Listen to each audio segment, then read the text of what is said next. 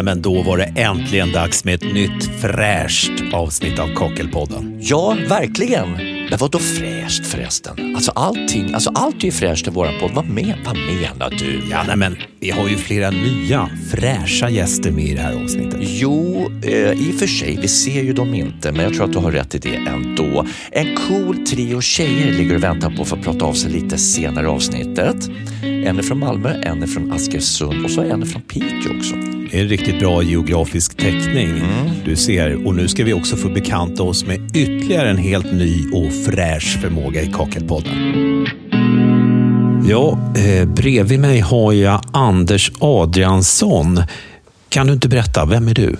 Ja, men tjenare Marcus. Jo, jag är advokat och eh, driver en eh, egen advokatfirma med tvister som fokusområde. Och då framförallt entreprenad. Ja, okej. Och eh, det är väl lite därför vi sitter här idag gissar jag. Kallar man det typ entreprenadjuridik kanske, eller? Det kan man göra. Entreprenadjuridik är det definitivt. Det faller väl egentligen in under begreppet entreprenadjuridik, allt som jag jobbar med. Allt byggrelaterat. Behöver ju kanske inte vara inom just entreprenader, utan det kan vara allt som har med bygg att göra. Och jag, jag gissar att du har en hel del att göra med plattsättare också. Det stämmer. Jag anlitas en del av Byggkeramikrådet som eh, då per definition kommer i kontakt med plattsättare. Så jag jobbar väldigt mycket med plattsättare och kan den branschen och områdena. Mm. Vad skulle du säga, vad är det för typ av eh, ärenden som du blir involverad i när det gäller plattsättare?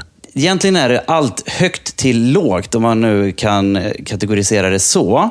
Typexemplet när jag blir inblandad, det är som regel lite för sent. En tvist har redan uppstått. Min roll som advokat, jag är ju inte trollkar, utan jag är ju advokat. Ja. I egenskap av advokat kan jag ju ge råd utifrån ett liksom, specifikt scenario. Kommer du till mig tidigt, superbra. Då kan vi lösa problem i förväg. Kommer man som regel då till mig när tvist har uppstått, då får man laga efter det som finns på bordet. Ja, Okej, ja, så det gäller att ligga steget före kan man säga. Ja, exakt. Du, eh, Anders, finns det några frågor eller ärenden som är mer återkommande eller vanligare än andra när det gäller just plattsättare? Ja, det gör det. Och eh, Du kan dela upp det i två kategorier egentligen. Du har den entreprenören som jobbar med konsumenter, å ena sidan. Och den entreprenören som kanske fokuserar mer på kommersiella förhållanden. I konsumentfallet så har ju jag i min roll som advokat, som regel företräder entreprenören, upptäckt att konsumenter har en tendens till att inte förstå hantverket. Det här är ju ett hantverk som vi pysslar med. Det är ett problem många gånger. Konsumenten vill ha mer än vad som faktiskt är teoretiskt möjligt. Eller praktiskt möjligt är det ju alltid.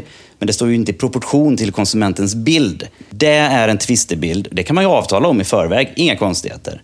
I kommersiella fall så rör det som regel istället ordning och reda vad gäller hur beställningar tas och hur man genomför dem efter att entreprenören har startat. Det grundar sig igen i att ha koll på sitt avtal. Mm. Koll på avtal. Du Anders, jag tänkte att vi ska återkomma till dig lite senare i programmet så att du kan berätta om en typisk twist och lite hur den har slutat. Låter det som en bra plan? Det låter alldeles utmärkt, det gör jag gärna. Jaha, ja, ja, okej, så kan man ju. Det där var ju, alltså den där gubben var jag inte alls beredd på, Marcus. Nej, jag tänkte att varför inte låta en advokat inleda det här avsnittet? Mm, och så blev det kan man säga. Kul! Och advokat-Anders då hör vi lite senare i avsnittet om jag fattar rätt. Jajamän. Och då vill jag med en gång passa på att slänga in en liten brasklapp, Marcus. Funkar det? Mm, en brasklapp eh, funkar. Ja. Mm. Okej, tack för det. För just nu, alltså just nu, inte nyss, inte snart, utan i denna talande stund när vi har så att säga släppt det här avsnittet så pågår något stort nere i Europa. Vet du vad? Nej, eh, inte så här på rak arm. Det är mycket som händer i Europa. Ja, ja. Hela tiden. Det gör det ju. Eh, I det här fallet så menar jag Euroskills i Gdansk är i full gång, nämligen Ja, i Polen. Mm. Och där ska ju då våra enastående plattsättartalanger Filip Sandgren från Västerås och Frida Malm från Piteå tävla för fulla muggar. Coolt va? Verkligen. Mm. Och jag passade på att slå en signal till Frida innan hon checkade in. Shoppade taxfree Om hon nu gjorde det, det vet jag inte. Och sen hoppade på flyget till Polen för att köra på dem. Okej, okay, lät hon taggad då? Jo, men det tycker jag. Och jag inledde ju telefonsamtalet med den fullt logiska öppningsfrågan. Hur känns pulsen, Frida? Ja, men det känns bra. Men det är klart att det är nervöst. Ja, det är nära nu, hörru. Stekhett. Ja, ja riktigt, riktigt nära. Nej, men man är väl lite stressad över att man inte vet riktigt vad som kommer, kommer komma. Mm. Men eh, ja, det gäller väl att försöka ta det lugnt och ta det steg för steg så ska det nog gå bra. Ta en toj, som man sa förr i världen. Ja, exakt. Andas in genom näsan, ut genom munnen. Ja, precis. Rotfruktsgrytor och kraftigt kött är ganska vedertagen kost i Polen. Hur känner du inför det, den maten? Är det bra? Funkar det på dig? Ja, då får man väl allt i sig och det är väl bara att äta och inte smaka så mycket. Det blir nog bra. Du, vad har du för vapen nu då att ta till för att lyckas norpa första platsen i Euroskills? Du ska ju vinna nu Frida! Ja. ja. Vad har du för kort i bakfickan? Eh, nej, men det, det, är väl att jag är i bra fysisk form. Mm. Och att eh, ja, men har man lagt upp en bra plan så bara den håller så ska det nog gå vägen.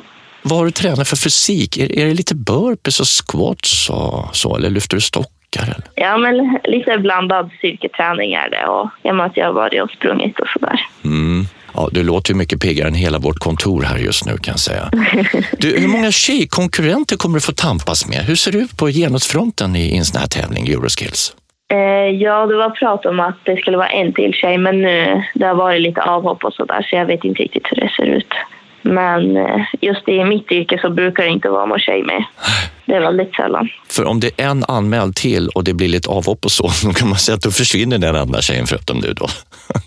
ja. Branschen har som sagt lite att jobba på. Men du, vilka moment ska ni tävla i? Hur ser upplägget ut? Eh, ja, när vi kommer dit så är det väl oftast två väggar. Och så har jag även fått höra att det ska vara gjutna golv så att det ska vara stabilt. Eh, och Eh, ja, men man börjar väl med att kolla på ritningen och se hur man ska lägga upp det. Men eh, det blir nog att man sätter väggarna, de två väggarna först. Och sen ska vi nog mest troligt mura upp en mindre vägg på sidan och sen även gjuta ett golv och sätta golvet. Då. Alltså det där låter som din grej Frida. Det där är din grej, det hör jag. Ja. ja. Jag hoppas det.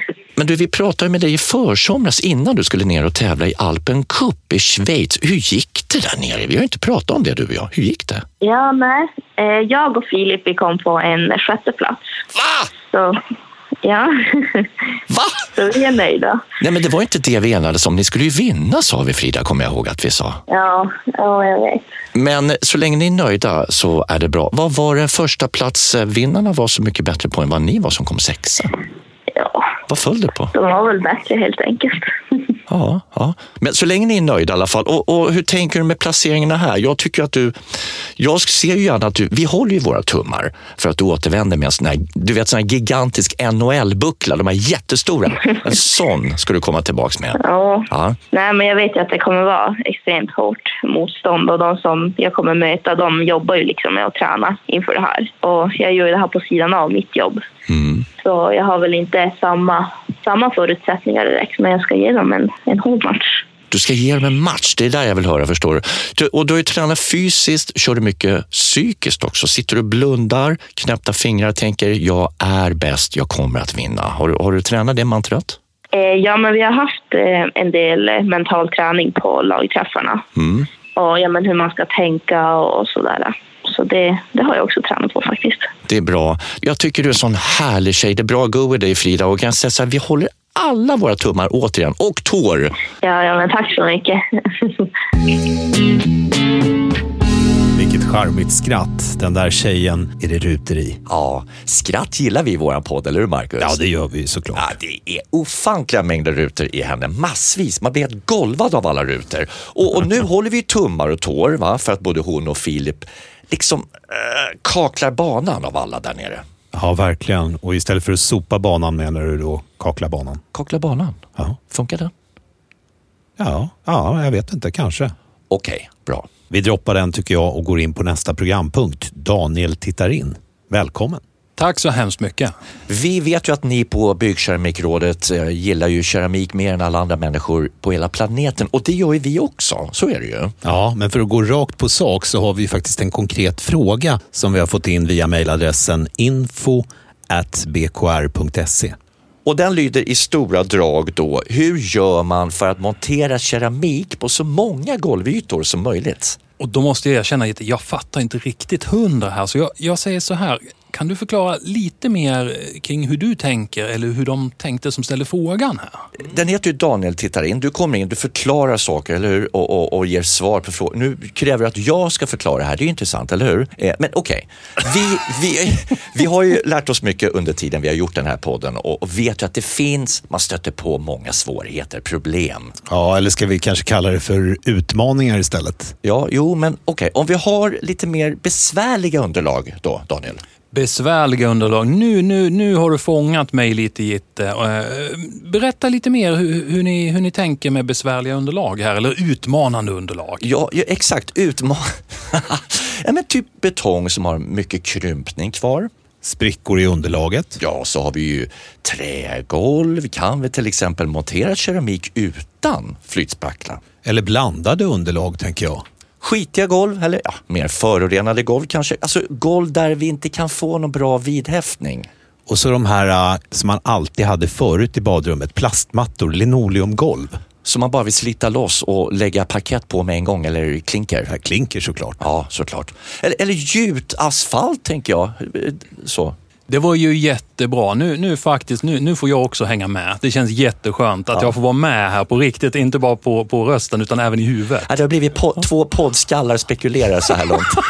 Kanske nu är det ju till och med tre. Det är ja. fantastiskt. Oanade höjder, oanat bra. Ja, hur ska vi hugga tag i det här då? Jag tänker så här. Grundläggande så har vi ju egentligen ett krav som är väldigt viktigt när det gäller keramik. Och det är ju det här som vi kallar på fikonspråk, så att säga, inom situationstecken, böjstyvhet. Alltså underlaget, det får inte svikta, det måste kunna bära keramiken. Så eh, det är ju liksom, den kommer man inte undan, den måste man ju ha. Men, tro det eller ej, det finns lösningar för att, så att säga, använda keramik på nästan alla underlag.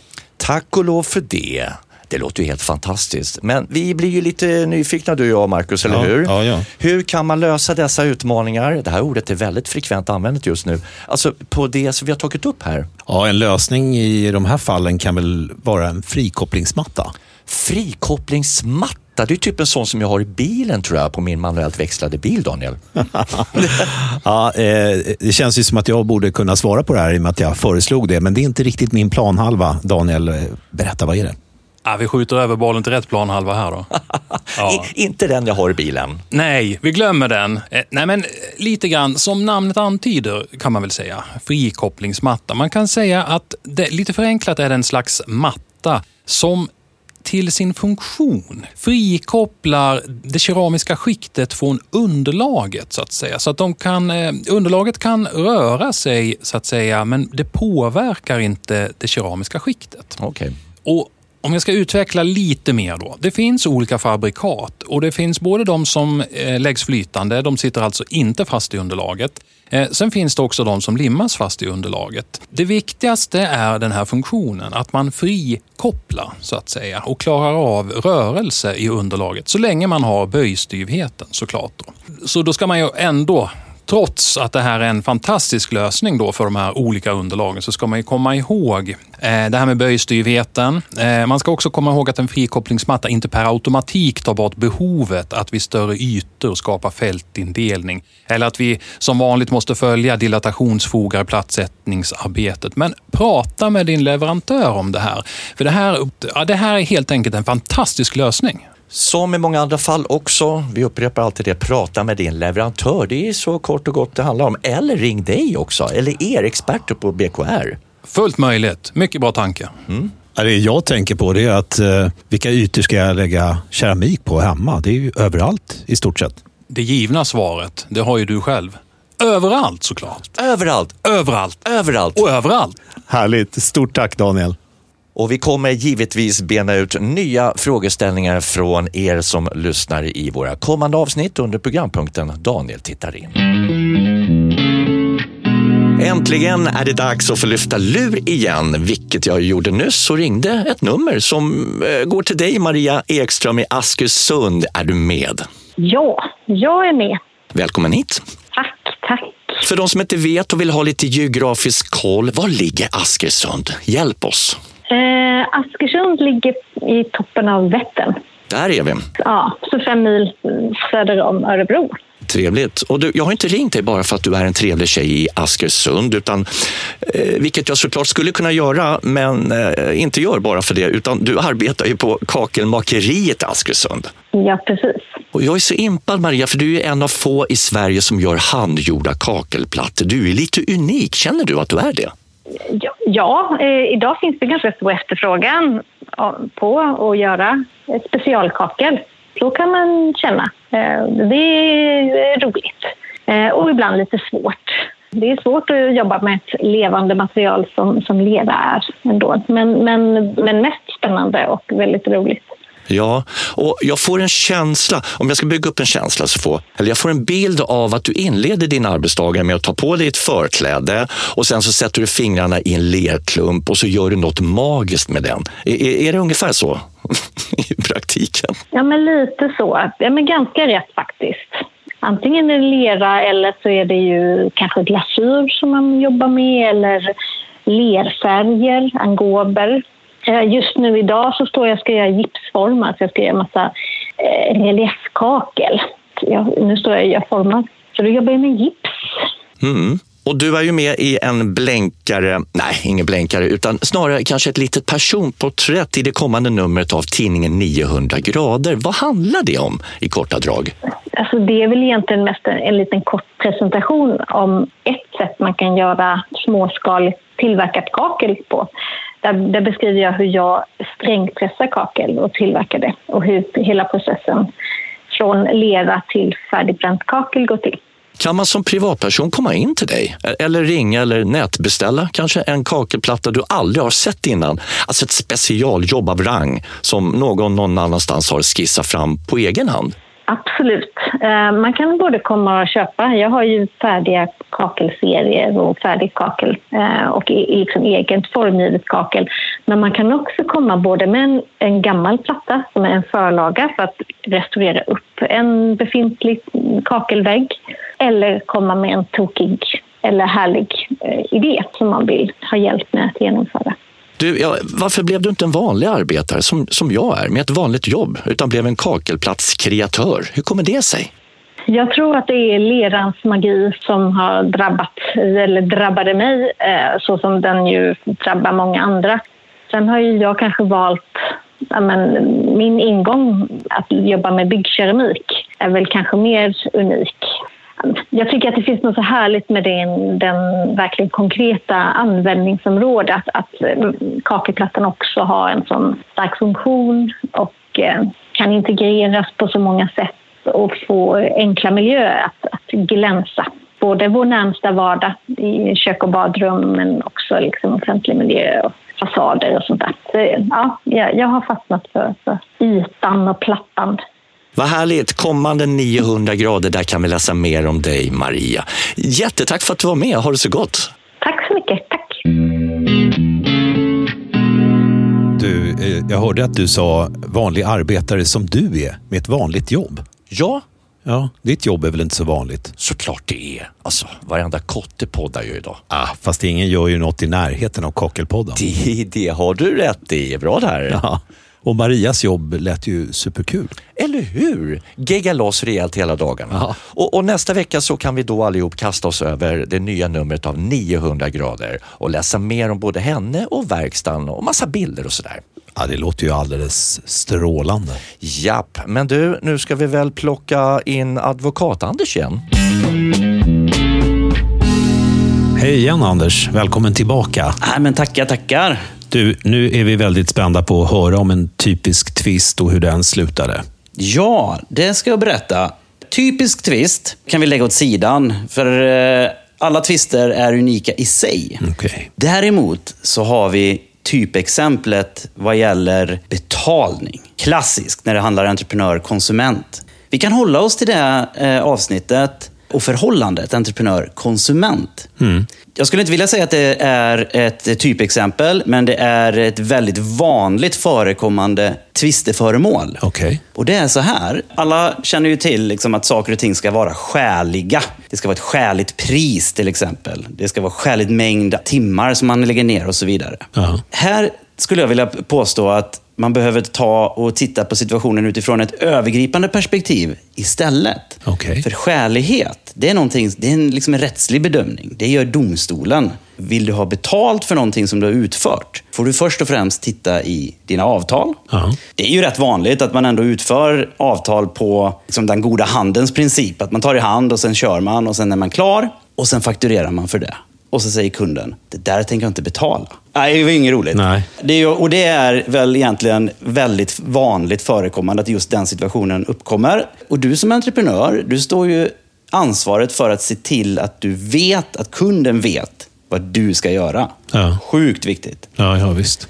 Så att om vi tar ett fall från liksom by- byrålådan och tittar på. Vi säger att eh, du utfört ett arbete. Det är ostridigt, alltså det råder ingen tvivel om att parterna, beställare och entreprenör, är överens om timpriset. Okej. Mm. Vi hittar på en summa. Det är ointressant nu. En summa vilken som helst. Men konsumenten säger till dig när du är klar. Du har inte utfört så många timmar som du vill ha. Du vill ha 500 timmar säger du. Konsumenten säger du får 100. Ja. Det är ganska vanligt. Okej. Och det är fullständigt galet, tänker du. Och sen ansöker du om stämning. Då uppstår den liksom givna frågan.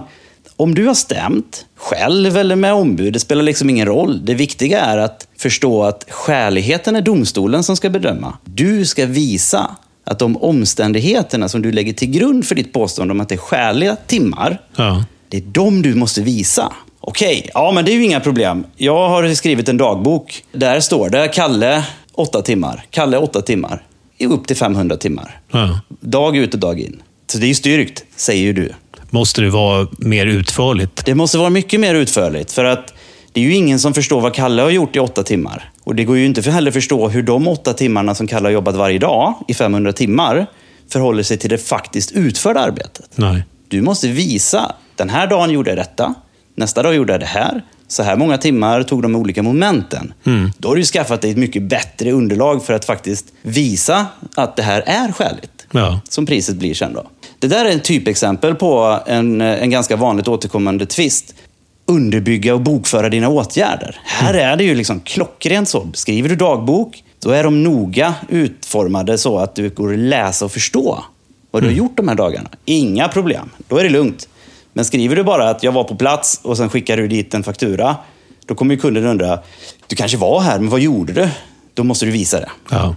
Det här kan vara lite kontraproduktivt, kan tyckas, i samtalet som vi har nu, med tanke på att jag är entreprenörers eh, ombud som regel. Ja. Men det här är så givet i branschen. Det finns inte en advokat som inte vet det här.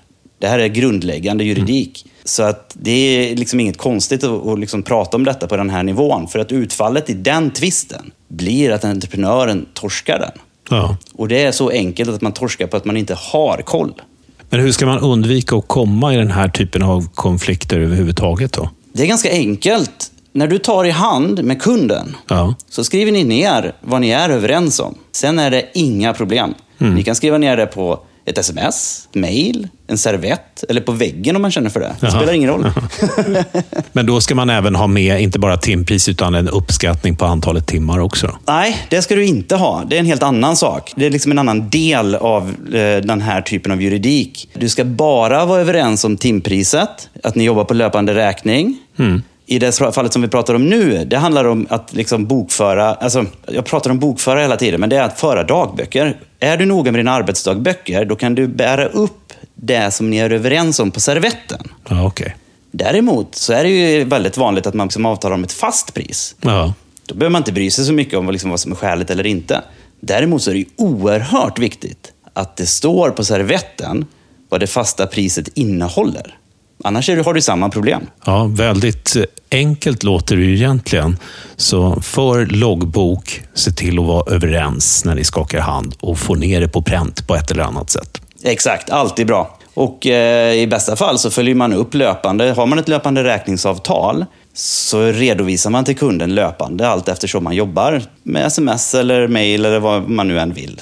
Ju mer du lägger till grund för din kommande faktura, desto bättre utgångsläge har du. Så undviker du tvister-Anders, eller nej, kanske kort och gott advokat-Anders. Och honom kommer du få höra framöver med jämna mellanrum här i Kakelpodden.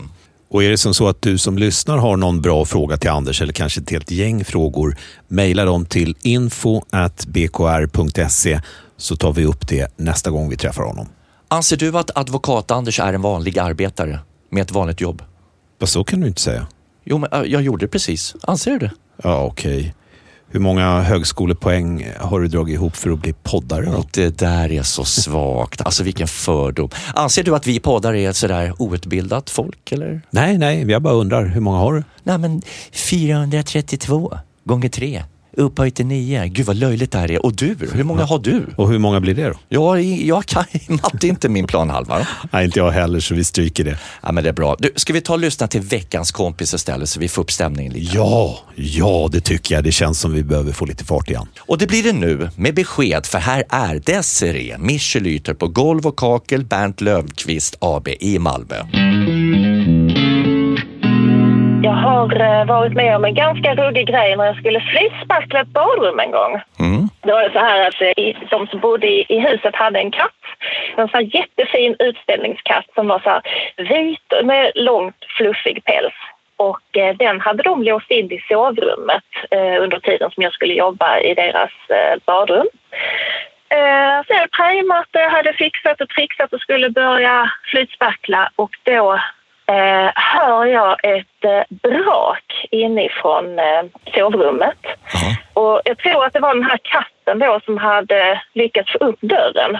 Eh, och då hade jag redan hällt ut en spann med flytspackel i badrummet. Och då kommer den här katten springande och far rakt in i badrummet och gör en faceplant ner i flytspacklet. jag precis har hällt ut. Alltså jag bara står, nej, nej, nej, nej, nej. Och den här tanten som bodde i huset, hon hade liksom precis berättat då innan hur stolt hon var över sin katt och den skulle ställas ut i helgen och den hade varit hos kattfissaren och blivit uppsluffad. Och, nej. Jag bara liksom så här, vad fan ska jag göra? Jag bara tänkte så här, jag bara går jag bara lämnar detta. Hur ser katten ut när den reser sig upp och tar upp, liksom, suger upp sitt ansikte från flytspacklet och tittar på dig? Nej, men den, den for ju ut lika fort igen. Alltså den ramlade, eller kasade i flytspacklet, la sig på sidan, rusade ut. Och jag bara så, herregud, herregud, herregud. Och tanten var inte hemma, hon var ju på jobbet. Och så hittar jag då eh, katten. Det var inte så svårt att hitta den för det var ju spår efter den. Mm. Så att jag hittar katten. Hon har ett badrum till på ovanvåningen. Jag går upp med katten på ovanvåningen, låser in mig där med den mm. och lyckas duscha av den flytspacklet och hittar något sånt här katt eller djurschampo som jag... Den var väldigt, den var väldigt, alltså den var nog i chock så den var ganska snäll. Och den var nog väldigt van vid att bli hanterad också med, med dusch och bad och så. Och jag är ju van vid att hantera katter för jag har katter hemma. Men sen så ringde jag ju till kvinnan som bodde där och, ja, och berättade du, det här och det här har hänt. och jag kommer hem genast och sa ja, alltså du får göra som du vill men det är ingen fara med katten. Den har jag badat.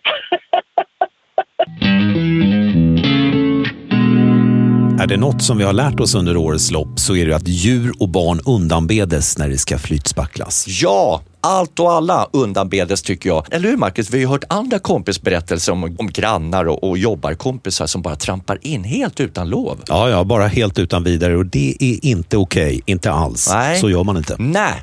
Det behövs en skylt tror jag där det står typ flytspackling pågår. Stick, dra, här har du inte att göra. Bra förslag. Eh, tyvärr funkar ju inte det på katter. Nej. Nej, så är det ju. Hörni, i förra avsnittet så pratade vi bland annat om hur man kan exponera sitt företag på sociala medier.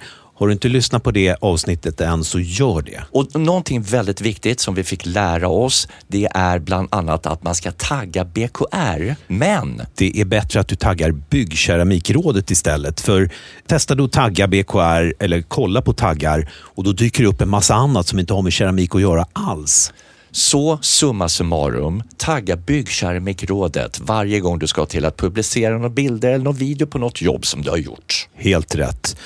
Och ja, nu har det gått så långt att det faktiskt är dags att knyta ihop säcken. Så är det. Vi som tagit er igenom det här avsnittet heter Marcus Trautman Och Leif Getelius. och vi säger i vanlig ordning, precis som plattisen Janne, Satt platta sitter.